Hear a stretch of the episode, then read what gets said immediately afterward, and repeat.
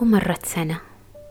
بمثل هاليوم قبل سنة كانت باكورة انطلاق بودكاست تجريد سنة تضامن فيها فريق يؤمن بالحب كقيمة وبالشغف كمحرك. تجريد اللي بدأ بفكرة بذرتها حب المعرفة وتربتها إحنا وأنتم وشمسها جهد وعمل.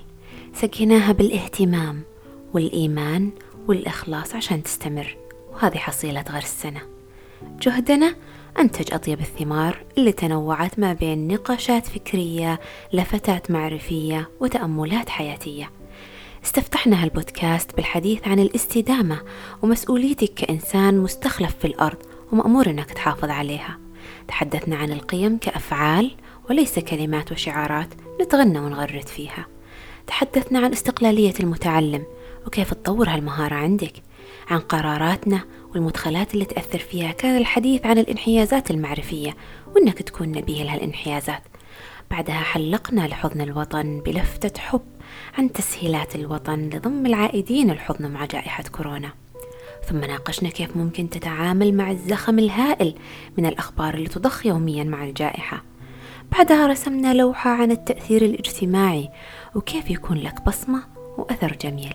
ثم قدمنا مقارنة لطيفة لكل محتار عن الدراسة في أستراليا وبريطانيا.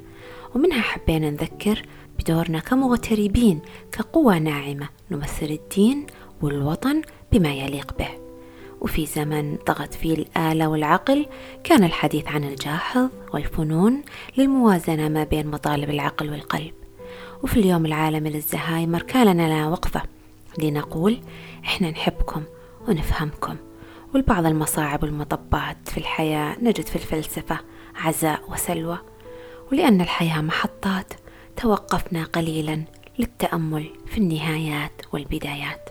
وختمنا سلسلة لوحاتنا بجمال يليق بقلوبكم. شكرا من القلب لكل من شاركنا العمل وشكرا لكل من أثرى البودكاست وأعطانا من وقته وجهده وفكره. شكرا لكل من علق وشكرا لكل من استمع. ونعدكم بالأجمل.